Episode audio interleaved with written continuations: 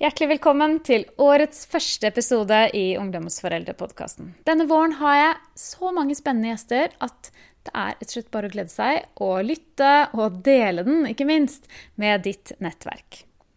Det er Marianne Magelsen som er gjest i denne første episoden. Og vi snakker om det med å være litt snill med seg selv. Marianne hun deler av sin opplevelse med sjalusi og skammen som fulgte med det. Vi snakker om tanker hva er det, og hvordan skal vi håndtere dem egentlig? Og så snakker vi om betydningen av å rette blikket bort fra oss selv, på andre, og gjøre noe godt for andre, rett og slett. Og så snakker vi om pusten. Ja, og veldig mye annet spennende. Ønsker deg god lytt.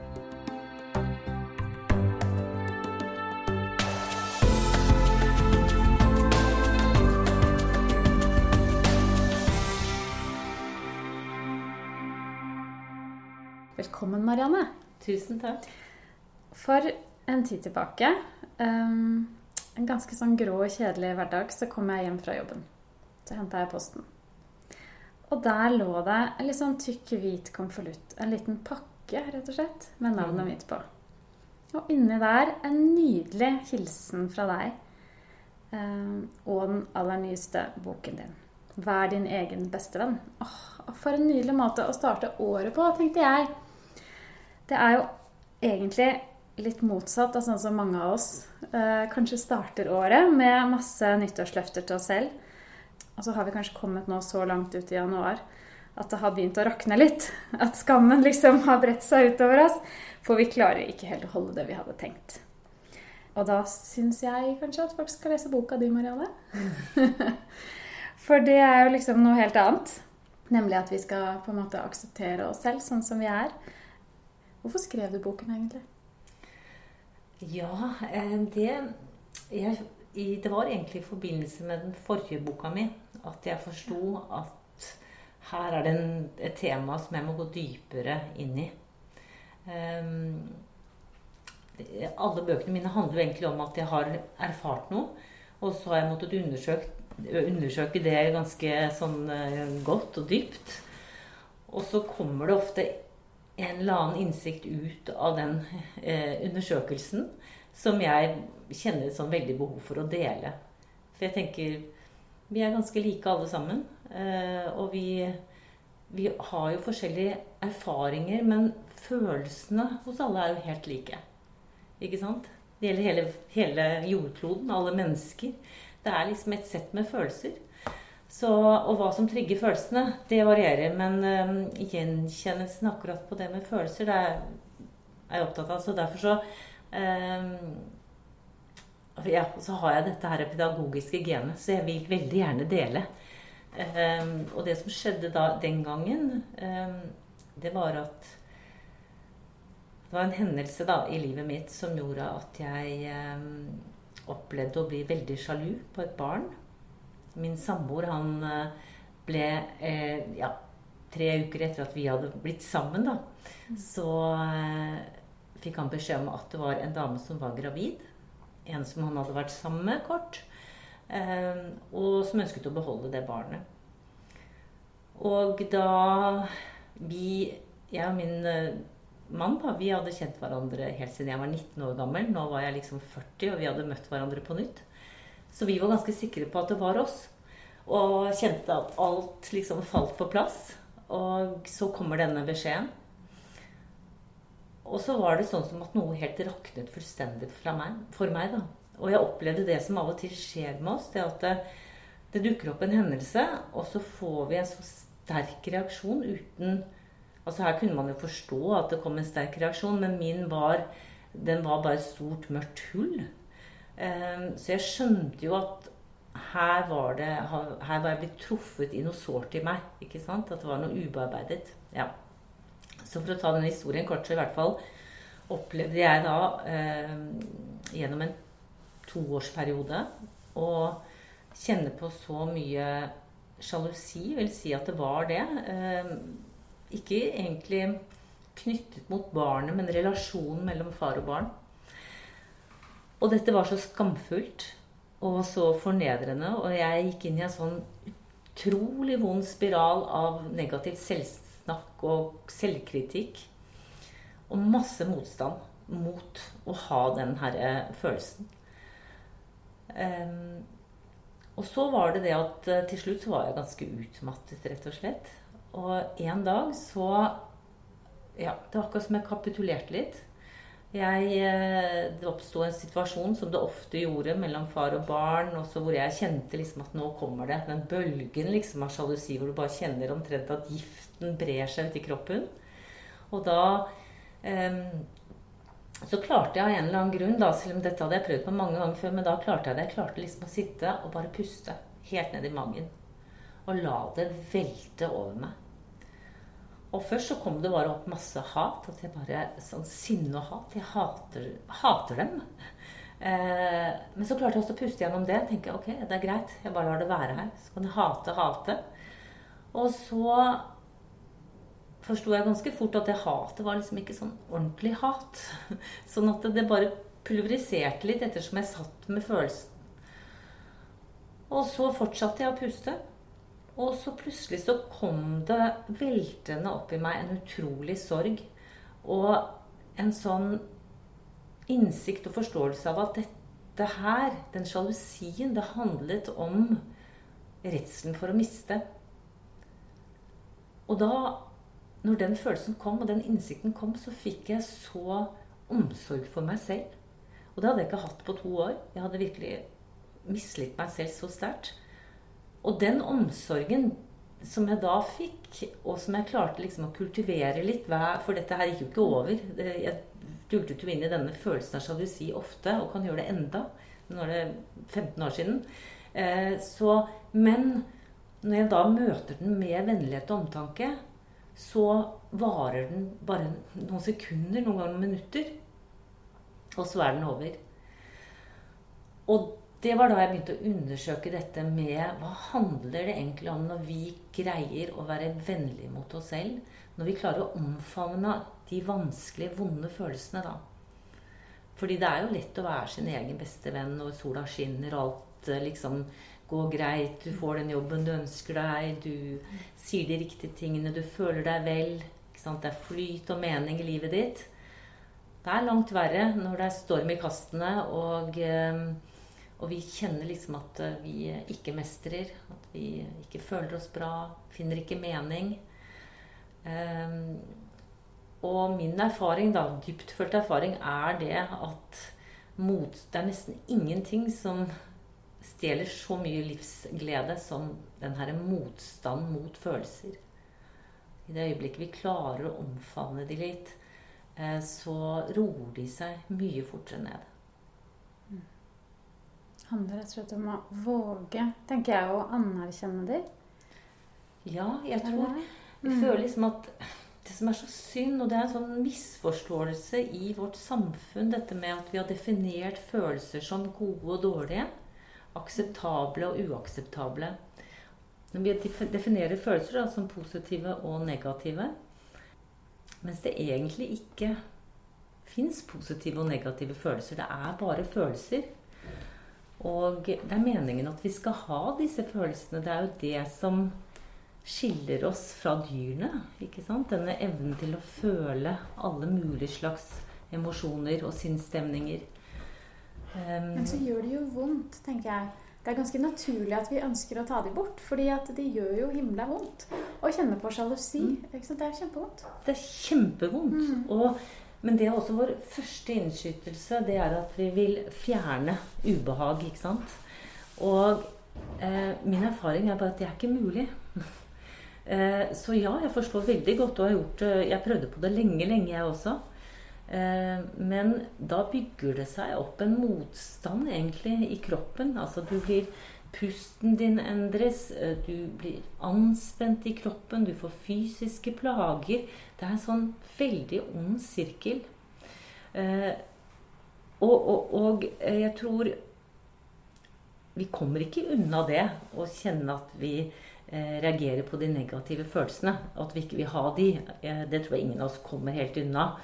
Men hvis vi får kunnskap, litt mer forståelse om hva tanker og følelser egentlig er, slik at vi kan finne litt grann trygghet og ro i det som ligger bak disse følelsene og tankene. Altså det som egentlig er oss. For det er noe av det som jeg har brukt mye tid på å forstå. Det er liksom Hva er tanker? For et lite nyfødt barn som kommer til verden, har jo ikke noen tanker, egentlig. I, I, hjernen så ser vi at det er masse nerveceller, men de nervecellene har ikke begynt å snakke sammen enda. Men allikevel så vil den, foreldrene til dette barna veldig fort eh, se at barn har en eller annen slags personlighet. Barn er annerledes enn broren eller søsteren, ikke sant? Så det er et eller annet der, en sjel eller et selv eller et eller annet personlig. Dette før tankene kommer. Og så er det jo sånn med, gjennom møtet med omgivelsene så begynner disse nervecellene sakte å snakke sammen og lage koblinger. ikke sant? Eh, på samme måte som vi ser at barnet eh, i den prosessen fra å ligge på ryggen og ikke kunne snu seg, til å greie å rulle over på magen, for så å greie å begynne å krabbe, så å reise seg opp, og så plutselig så går barnet. Og etter en liten stund så går det barnet uten å måtte tenke over det. Hvis det ikke skjer en ulykke, så vil det barnet kunne gå hele livet uten å tenke over det. Det er blitt en, det vi kaller en autopilot. Men det mange ikke er klar over, at det samme skjer med tankemønstrene våre. Når, hvis jeg vokser opp f.eks. med å oppleve mye kritikk, så vil det første som skjer, er at jeg intuitivt vil begynne å beskytte meg på en eller annen måte. Kanskje jeg beskytter meg ved å bli sint. Eller kanskje jeg beskytter meg ved å trekke meg unna, lukke meg litt. Når jeg har gjort det mange nok ganger, så blir det en refleks, en, autopilot. Eh, så da vil jeg fortsette å gjøre det. Eh, og jeg tenker det her liksom Vi er inne i det derre eh, For det jeg har tenkt litt på, liksom, hvordan kan vi gi dette videre? Vi skal snakke litt mer om egenkjærlighet. Og jeg tenker liksom de mønstrene som jeg har etablert i meg da, i forhold til hvordan jeg møter mine følelser og tanker, de gir jo jeg videre til barna mine.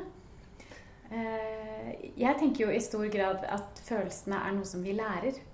Eh, vi ser jo egentlig, Bare hvis vi ser rundt i verden, eh, så er det jo For det er fort å tenke Og i mange år har det vel egentlig også vært en sannhet det at liksom noen er født med de og de følelsene, på en måte, eller de har kanskje et sterkt temperament, eller Men det er jo i stor grad tillært, har de funnet ut nå. Og hvis vi ser liksom, Det er jo forskjell på asiatere, tenker jeg, og sydamerikanere. Eh, og at det i stor grad er noe som er tillært. Eh, vi har blitt møtt på en måte av våre foreldre, og så gjør mm. vi mye av det samme. Mm. Eh, og det krever litt å endre det mønsteret, Ja. Mm. Og, og, og, det er jo akkurat det som også er litt sånn interessant. fordi hvis vi kan si at vi alle sammen er født med et jeg, da Altså jeg inneholder hele personligheten vår, tankene, følelsene våre. Og, dette jeget har noen disposisjoner. Det er litt forskjellig fra person til person. Og derfor vil vi også eh, utvikle oss forskjellig, selv om vi bor i samme hjem, ikke sant? Um, men Ja, og, og dette, dette jeg, det formes jo da av omgivelsene våre. Og inneholder egentlig alt ved oss, hvis vi skal si det litt sånn enkelt. Og det som skjer litt da, det er at eh, jo, når dette jeget eh, har ro, så er det liksom åpent og inkluderende. Det kan vi kjenne på alle sammen. Man kjenner at det er flyt, og jeg er tolerant med barna mine, jeg er i vater. Og så skjer det ting i livet. Jeg eh, kanskje føler meg litt truet, irritert. Og så trekker liksom akkurat som deler av jeget samler seg til å bli en sånn litt rigid enhet som vi ofte da kaller egoet. Ego er bare en konstruksjon ikke sant, i jeget vårt. Og dette egoet, det har Altså, det de ønsker, er å beskytte oss.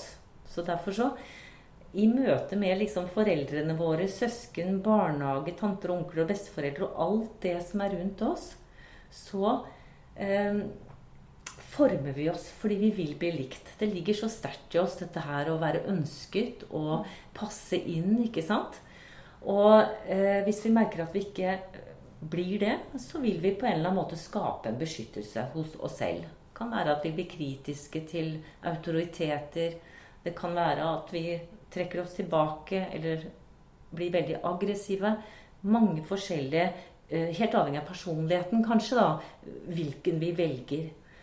Eh, men så egoet vårt det formes jo egentlig av egoet til alle disse menneskene rundt oss. Ja, vi blir, jeg sier liksom, vi blir til i møte med hverandre.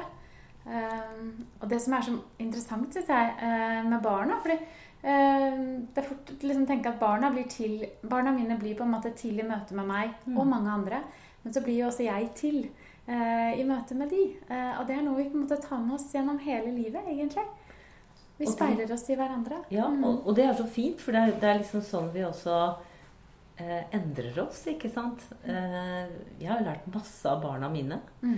Eh, fordi de også har blitt liksom eh, ja, De stiller spørsmål. De sier fra hvis det er noe de ikke liker. Sånn at jeg er jo nødt til å gå i meg selv og finne ut uh, hva det er jeg holder på med. Og um, jeg tror kanskje det er en av de der viktige tingene for oss voksne i, når det gjelder barneoppdragelse. Vi kommer jo til å gjøre feil, alle sammen. Det, det, er ingen tvil om. Men det at vi evner å si 'unnskyld, dette tilhørte meg', det kjenner jeg at eh, Det er glad jeg har klart å gjøre veldig ofte med barna. Eh, fordi at da tar man, tar man i hvert fall vekk ansvar fra dem, da. De gangene det er riktig. For det er jo noe barn gjør. De bærer disse voksne sine, sine greier.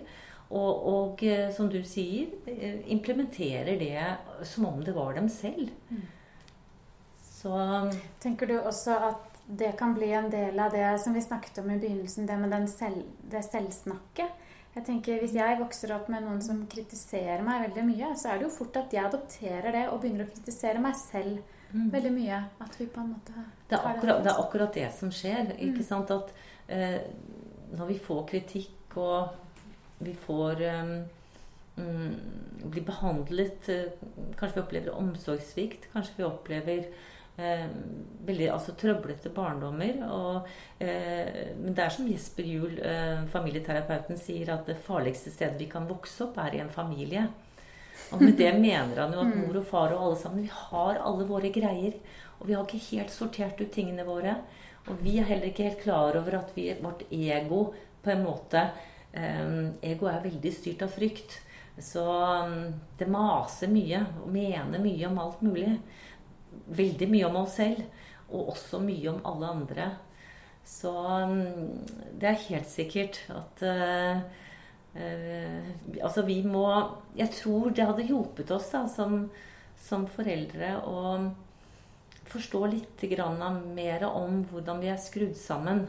Og forstå det at uh, vi har blitt litt den vi er uh, gjennom de erfaringene og opplevelsene vi har hatt. Og den delen i oss som vi kaller ego, som er den som er så opptatt av å holde seg selv i live og, og, beskytte, den, eh, den, har kommet til, og den fins hos alle mennesker. Vi trenger den. Eh, men problemet vårt er at vi lytter til den, og vi tror på det den forteller. Og det er det jeg har vært opptatt av. at vi lytter til egoet, og så tror vi på det det forteller. Så når egoet fortalte meg at å ha, være sjalu overfor et barn, barn, det er så stygt. Det er så skamfullt. Det er rett og slett farlig. Du er et dårlig menneske. Og jeg eh, trodde jeg var god, så jeg fikk helt sjokk når jeg fikk alle disse veldig dårlige følelsene. Og da begynner egoet å fortelle meg ikke sant? hvilket elendig menneske jeg er. Og jeg lytter til det, så lidelsen min blir dobbelt så stor. Jeg har denne sjalusien med barna og pappaen. Men i tillegg så har jeg det negative selvsnakket. All den kritikken. Og det jeg oppdaget da, når jeg liksom endelig klarte å kapitulere litt og begynne å se litt annerledes på dette og møte det mer med omsorg altså, Fordi jeg forsto at det var at jeg reagerte med sjalusi fordi at det var noe sårt i meg som var trigget.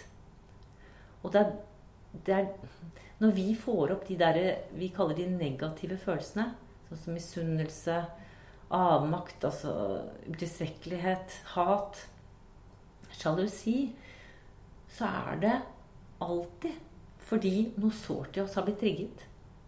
Og da reagerer vi med en eller annen sånn beskyttelse som er litt forskjellig for oss. Vi er forskjellig laget. Noen blir da sinte, trekker seg unna. Noen blir sjalu. Noen blir misunnelige. Så vi reagerer med det. Og det er nesten helt umulig å omfavne. Så når jeg sier, når boka heter 'Vær din beste venn', så kan vi stille spørsmålet hvorfor er det så vanskelig? Og det er jo fordi det er jo nesten helt umulig for oss å omfavne følelser som sjalusi da, eller misunnelse. Men i det øyeblikk vi forstår at de bare er en reaksjon på at det er noe en hendelse, en tanke eller en kommentar har truffet noe ubearbeidet sorg eller noe vondt, åpnet et sår, da er det mye lettere å omfavne seg selv. Jeg synes det er, veldig, det er så fint at du deler uh, den historien du hadde om din opplevelse av sjalusi. Jeg tenker, jeg tror vi alle har, vi alle har en sånn slags historie som, som, kan handle om mange forskjellige ting. Og som foreldre er det jo nesten umulig det vil jeg si det er å gå gjennom på en måte å oppdra et barn uten å ha noe man kanskje skammer seg over eller tenker at man skulle gjort annerledes. Uh, og da er det så fort å komme inn i nettopp en sånn som du opplevde å ha, hvor man liksom ikke liker seg selv og, og egentlig snakker veldig negativt til seg selv. Og ja mm. um, Det gjør veldig mye med en. Jeg møter mange foreldre som, som jeg opplever egentlig sier også at de, opp, ja, de opplever det som skamfullt. Mm. Det er noe med barna. Det er noe som ikke fungerer. Og det er fryktelig sårt for oss. Ja, jeg, jeg, tenker at uh, det som trigger meg mest uh, som mor, det er jo nettopp denne frykten for at ikke de skal lykkes fordi at de Eller at ikke de skal få til ting og mestre. Fordi de er jo på en måte et speilbilde av meg. altså Jeg tror det blir reflektert tilbake på meg om jeg har vært vellykka som mor. Ikke sant? Og da veldig ofte når vi kjenner på det, og det gjør vi veldig fort, eh, så kjenner vi på det. Eh, og da begynner vi å oppføre oss eh, veldig maste, og vi overfører mye sånn frykt og pekefinger og sånn til barna. Så det er klart, eh, Men jeg også tror at for hver ting vi klarer å rydde litt opp med oss selv, forstå litt bedre, eh, være litt vennligere mot oss selv, så overføres det også direkte til, det, til den relasjonen med barna. Mm. Og det er det som er så fint. Det er at alle de små endringene vi gjør, de ja, er så effektfulle. For barna merker sånn, de, de plukker det opp så fort. da. Og så er det noe med å ta med seg lærdommen i det, tenker jeg. fordi det skal ikke være helt friksjonsfritt. Og det er jo nettopp de gangene vi bommer litt, går litt på trynet, det er jo det vi lærer av. Det er jo det som gjør at vi vokser som mennesker. Mm. Men jeg blir litt nysgjerrig på den Du skriver også en del i boken din om det å puste. Og så sa du i stad at du, når du kjente på den der kjempevonde følelsen, så pustet du deg litt igjennom. Vil du si litt mer om hvordan gjør du det? Ja, eh, Den første boka mi, eh, 'Pust for livet', den, den handler jo om pusten. Og, så jeg har jo eh, altså Som sykepleier så er jeg veldig opptatt av kroppens verktøy, kaller jeg det. Vi, jeg syns jo kroppen er ganske magisk, og den har mange tilgjengelige verktøy til oss. Vennlighet er en av de, og pusten er en annen. Og eh, jeg har oppdaget det at eh, altså det har vært helt umulig for meg å bearbeide sorg og smerte uten å ha med en fullstendig pust. For i det øyeblikket jeg er anspent og puster liksom kortere og overfladisk, så har jeg egentlig skrudd av. Da har kroppen min lukket seg litt. Det er sånn den beskytter seg. Og da får jeg ikke ordentlig tilgang til følelsene mine engang. Jeg kommer ikke ordentlig inn og får kjent etter. Så for meg så er det jo sånn at pusten den, eh, den har blitt en veldig sånn tett eh, følgesvenn i forhold til det at eh, jeg har en bevissthet om at f.eks. da Hvis jeg støter nå inn i den følelsen av sjalusi, så er det det første jeg gjør. Det er å trekke, sørge for at jeg trekker pusten skikkelig godt. Fordi det som skjer når vi trekker pusten godt, altså helt fullstendig, eller når vi sukker og gjesper, det er de samme tre tingene, det er at vi trigger den delen av nervesystemet som utløser en sånn avspenningsrespons i kroppen. Og samtidig så er det sånn at den fullstendige pusten den skaper et sånt lite mellomrom hvor jeg ikke behøver å agere på autopilot. Altså bare kjenne på sjalusien, så er det veldig fort gjort for meg å gå inn og begynne å snakke Nei, nå kommer det igjen. Jeg vil ikke ha det. Og hvorfor kommer det nå? Men hvis jeg trekker pusten, så får på en måte hjernen min et bitte lite mellomrom. Og der prøver, i det mellomrommet så velger jeg vennlighet. Og dette har jo vært en øvelse jeg har måttet gjøre ganske mye. Ja, Det vil jeg tro. At man Ja. rett og slett må øve litt på det. Fordi, det, Mm. fordi vi har så mange sånne autopiloter på ikke sant? Hvis min samboer plutselig begynner å kritisere meg, så vil autopiloten min si at jeg blir skikkelig forbanna. Men jeg har lært meg også etter hvert at det er mye mer hensiktsmessig at jeg får trukket pusten godt. Og liksom rekker å tenke meg om Ok, nå skal jeg bare høre hva han har å si. Ikke sant? Før vi skyter fra hofta. Så pusten gir det lille mellomrommet. Samtidig da, som den faktisk rent fysiologisk sørger for at avspenningsresponsen i kroppen utløses. Og når, vi er avspente, så er vi mer åpne og mottagelige. Vi, vi får mer tilgang da, til, til hele oss. Så fint. Det var bra, det er et veldig sånn praktisk triks. Eh, Det, jeg lærer så mye, Marianne, av denne podkasten.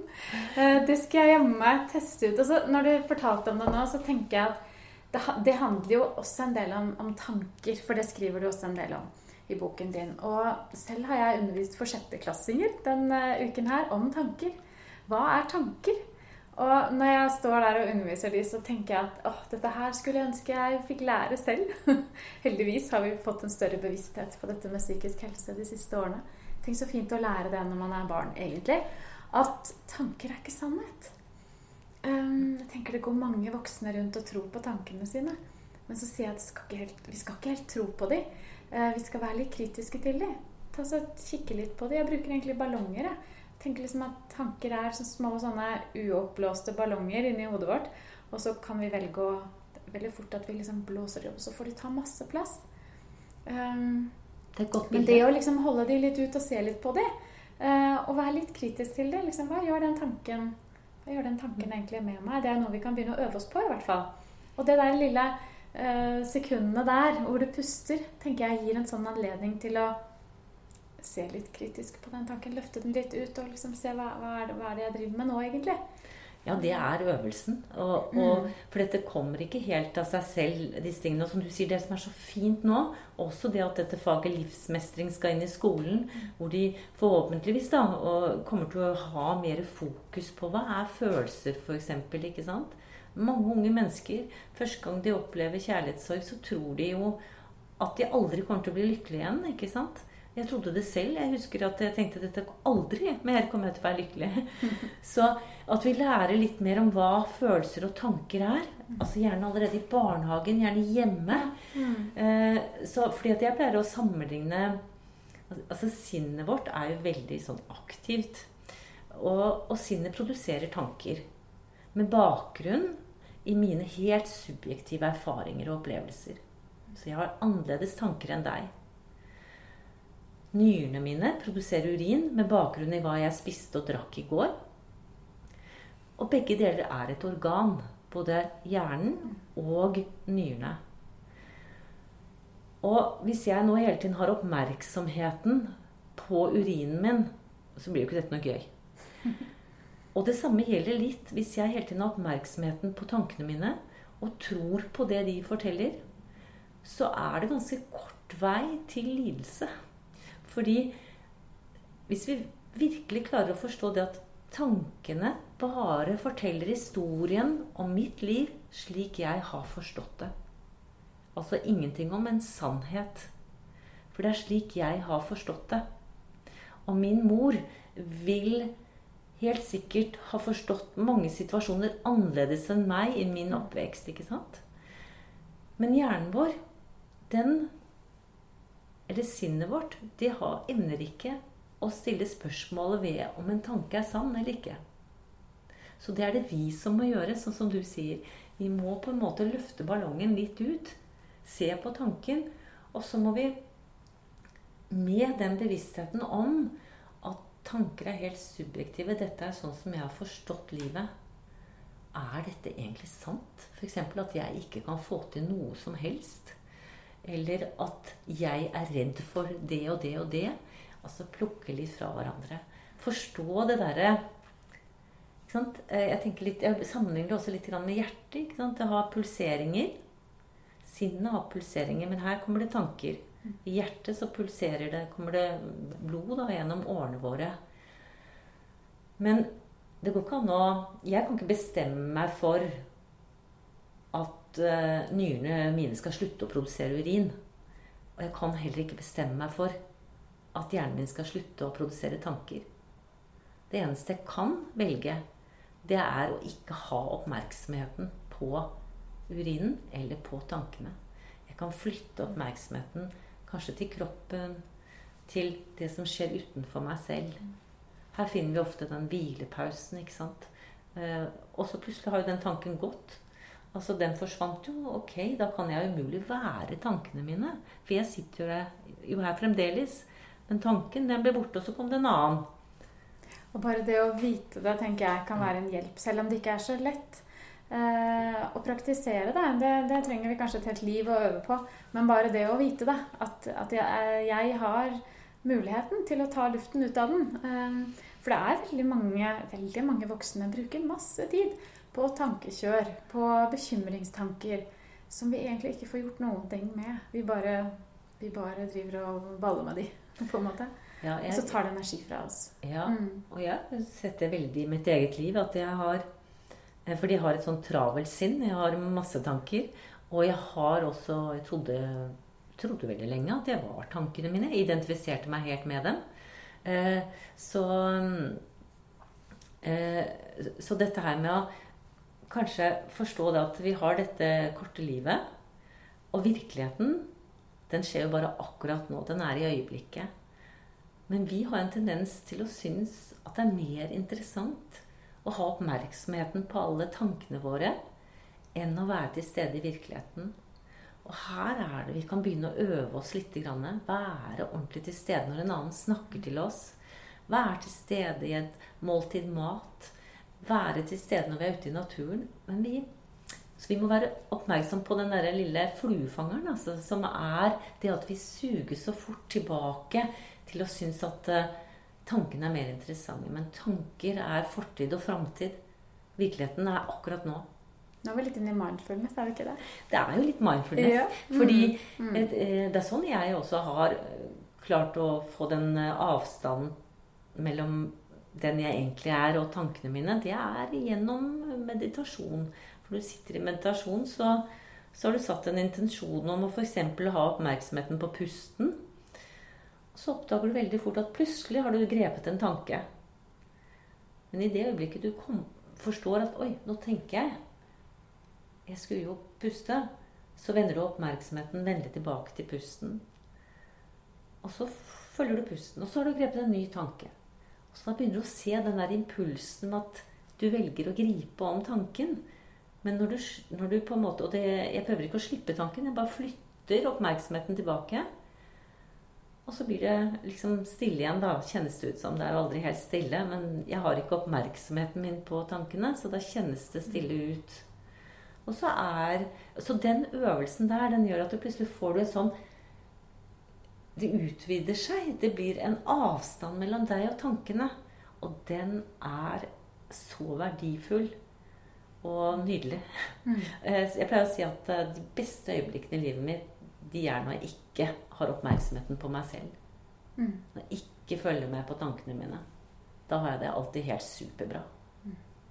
Du, I boken din så skriver du Det står så mye nydelig der, Marianne. Um, et sted så, så, skriver du noen ganger kan jeg kjenne at det bor noe veldig fint i meg. Ja. Akkurat det syns jeg Ja, det var veldig fint. Mm. Og så tenkte jeg liksom Hvordan kan jeg um, Hvordan kan jeg gi det videre til menneskene rundt meg? Hvordan kan jeg gi det videre til barna mine? At de kan tenke, jeg ønsker jo at barna mine skal tenke det mm. om seg selv. At det bor noe veldig fint i dem. Mm. At de skal liksom ja, ha lyst til å bringe det videre. Har du noen tanker om det? Ja, for meg også, har det kommet litt gjennom det å flytte oppmerksomheten fra tankene. Og da tenker jeg det at med barna f.eks. Det, det å ha en hobby Da har du flyttet hele konsentrasjonen din vekk fra tankene. til å snakke litt om hvordan har du det nå. Altså, ikke sant? Fordi eh, de fleste som har en hobby, de blir litt oppslukt av altså Hobby burde jo vært på blå resept.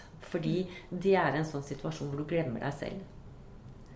Og de aller fleste vil kunne si at da har de det veldig bra.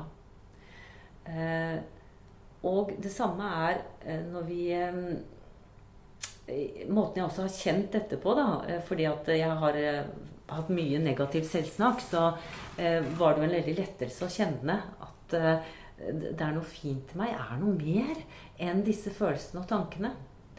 Og det har jeg opplevd i sånne situasjoner hvor jeg blir veldig berørt av noe.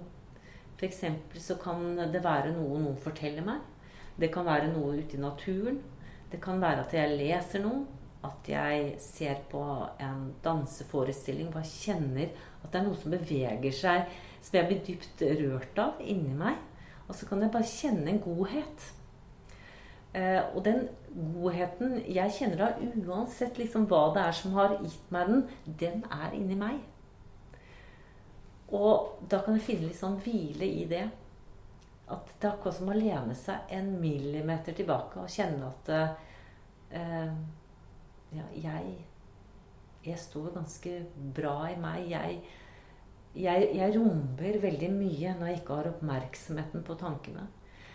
Det er vanskelig å være sin beste venn hvis du identifiserer deg med tankene dine. Fordi de er så kritiske og fordømmende. Så vi er liksom nødt da til å skifte fokuset.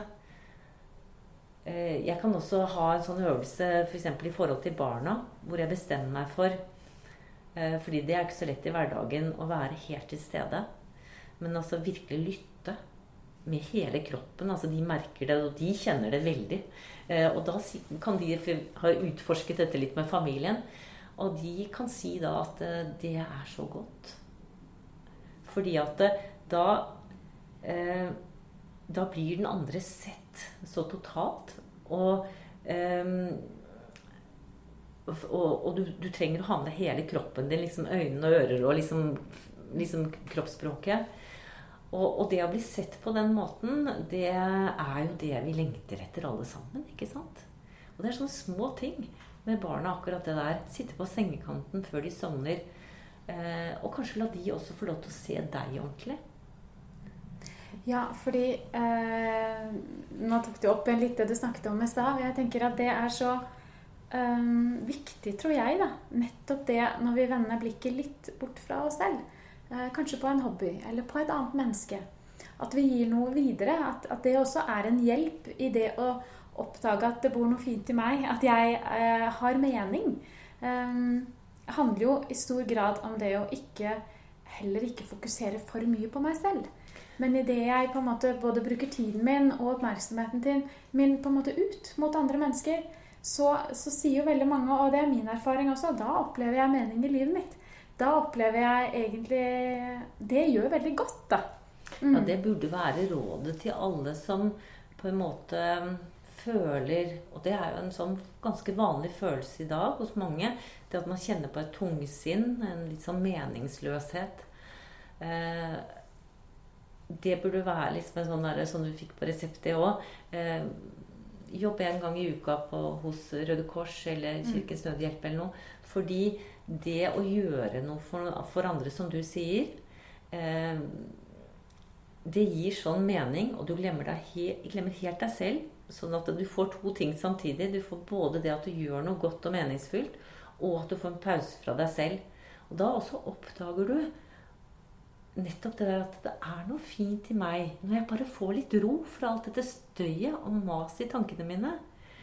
Så ja. Det er helt sant. Jeg, jeg hører jo selv en del på podkast. Og faktisk, i går i bilen bil syns jeg er et fint sted å høre på podkast. Så hørte jeg på, um, på, et intervju med Fabian Stang, som fortalte at han hadde strevd en del med depresjoner selv. Eh, og, så, og, så, beskrev han litt hvordan det føltes. Og han sa liksom at det, når det er helt uoverkommelig å hente seg en kopp kaffe liksom, Det er helt det er som å bestige Mount Everest og skulle hente en kopp kaffe. Sånn er det å ha depresjon. Du er på en måte helt nede. Men samtidig så sa han at men hadde det skjedd en alvorlig ulykke ute i veien rett utenfor, og jeg måtte ha hjulpet til, så hadde jeg løpt til, og så hadde jeg konsentrert meg om det. Og så hadde nok den depresjonen kanskje vært borte en liten stund. Og jeg synes det var så Det bet jeg meg liksom merke i. Jeg tenkte der ligger det noe som handler om akkurat det. Og det, det hadde blitt en sånn erkjennelse for ham. Nettopp det når du vender blikket litt bort fra deg selv og mine egne tanker og mine egne greier, så er det utrolig hva som kan skje. Hvordan vi egentlig kan bli kvitt en del av de tingene som, som kan være vanskelig for oss kjempeviktig, akkurat det mm. han delte der. Mm. Jeg tror det er, liksom, Han sier det jo akkurat sånn som det er. Mm. Eh, fordi det er det at du glemmer deg selv. Da, da, er disse følelsene borte. Og de tankene for et øyeblikk, da, det, så er det klart de kommer tilbake. Men den erkjennelsen der er jo så kjempeviktig. Og jeg tror jo at en av grunnene til at vi ser så mye depresjoner blant unge mennesker i dag, mye av det har med at de eh, identifiserer seg så mye med det tankestøyet. Og, og med ego, da. Hør, lytter på egoet ikke helt og har ikke lært og forstått at ego er en, bare en konstruksjon. Vi har det alle sammen. Den driver og holder på på den måten, men den snakker ikke sant. Så eh, hvis vi, hvis vi hadde fått litt mer hjelp til å forstå akkurat det derre hva det er som skjer da når vi lytter sånn veldig og tror på de tankene, så hadde mange hatt det mye bedre. Det er jeg så sikker på. Ja, og jeg tror også det blir lettere, som du skriver litt i boken din, om det å være menneskelig. Og det å liksom gi seg selv lov til å feile og til å gjøre dumme ting. Um, jeg, jeg, tenkte på det altså Det er jo veldig lett å si, men det er forferdelig vanskelig å praktisere, egentlig. Men det hjelper kanskje. Hvis vi ikke er så opptatt av Hvis ikke jeg er så bevisst på meg selv hele tiden, men har vendt blikket litt bort, så er det kanskje litt lettere. Ja, og så tror jeg i hvert fall det har vært en øvelse for meg som jeg, som jeg har hatt veldig glede av. Det er det å ta skikkelig eierskap til det som er mitt. At jeg kan eh, fordi det å snakke sant, det er også en sånn ting som er veldig beroligende for kroppen. Ja. Pusten den flyter da helt fullstendig. Og dette nervesystemet vårt det blir veldig avspent. altså Utløser en avspenningsrespons, det å snakke sant også. Og hvis jeg kan snakke sant til meg selv og si Ja, Marianne, du er både gjerrig og raus. Du er både inkluderende og avvisende. Du er både rettferdig og urettferdig. Altså, jeg rommer alle disse tingene. Vi rommer alt dette her. Men hvis ikke jeg kan ta eierskap til det, så blir det masse motstand, og jeg driver liksom og holder på med ting, og jeg står jo ikke støtt. Og det har vært en av mine greier å finne hvordan, hvordan klare å finne mest mulig trygghet i seg selv. Og da er du nødt til å ta eierskap til de tingene du ikke liker. Og så kan du være helt sikker på at de tingene du ikke liker, de har alle andre også. Eh, men de er nødvendige. De er en del av det å være menneske. Eh, og jeg tenker at eh, det er så befriende. når det skjer noe nå hvor jeg gjør et eller annet, jeg reagerer på en viss måte, så er jeg veldig rask med å se Oi, det der var ikke helt bra gjort. Altså her ønsket jeg å være litt slem. Men i det øyeblikket at jeg har eierskap til det, så, så, så, ser jeg jo hva jeg har gjort. Og så kan jeg velge å gjøre det annerledes neste gang. Men det vi bruker mye tid på, det er å nekte og ikke ville ha og skyve vekk og sånn. Så vi er mennesker. Det, å, det er det det er å være menneske. Det er å ha alle disse motsetningene i følelsene.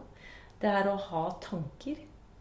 Og så er det kanskje det beste av alt når vi klarer etter hvert å vikle oss litt ut av alt dette og se at jeg er noe mer enn tankene og følelsene mine. Jeg er noe veldig fint. Og det kan jeg kjenne inni meg. Når jeg har rom, når jeg kan gi noe til andre mennesker, så kommer jeg i kontakt med den der gode, dype følelsen. Den ønsker jeg å kultivere. da må jeg gjøre noe aktivt for det. Da må jeg gjøre noe for andre mennesker. Om det bare er familien min, bikkja mi, barna mine, mannen min. Små ting i hverdagen. I bedet når jeg luker.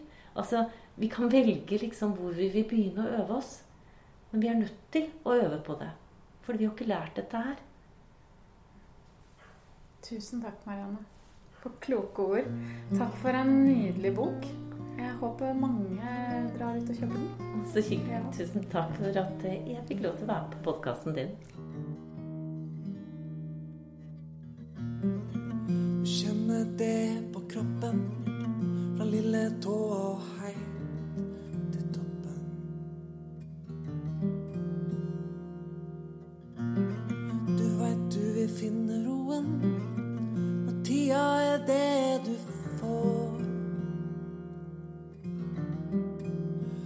For du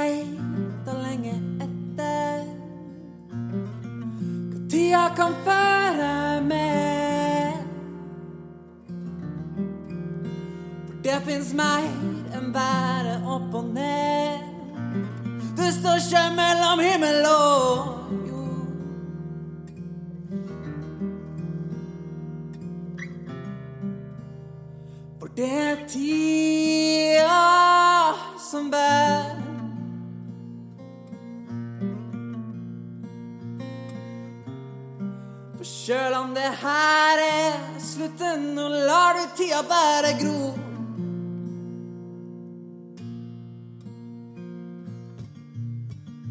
Klokka tikker langsomt og treigere enn før.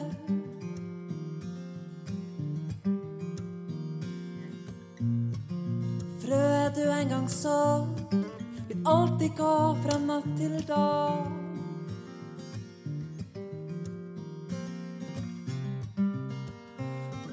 Tida som bærer.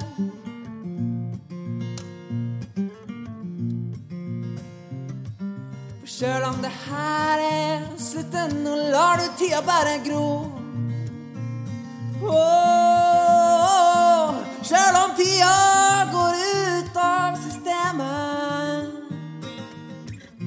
tikker ei klokke du ikke kan sjå. Den går treigere, men den har liv. Åh. Den går treigere, ja, så treig som aldri før, men det er tid.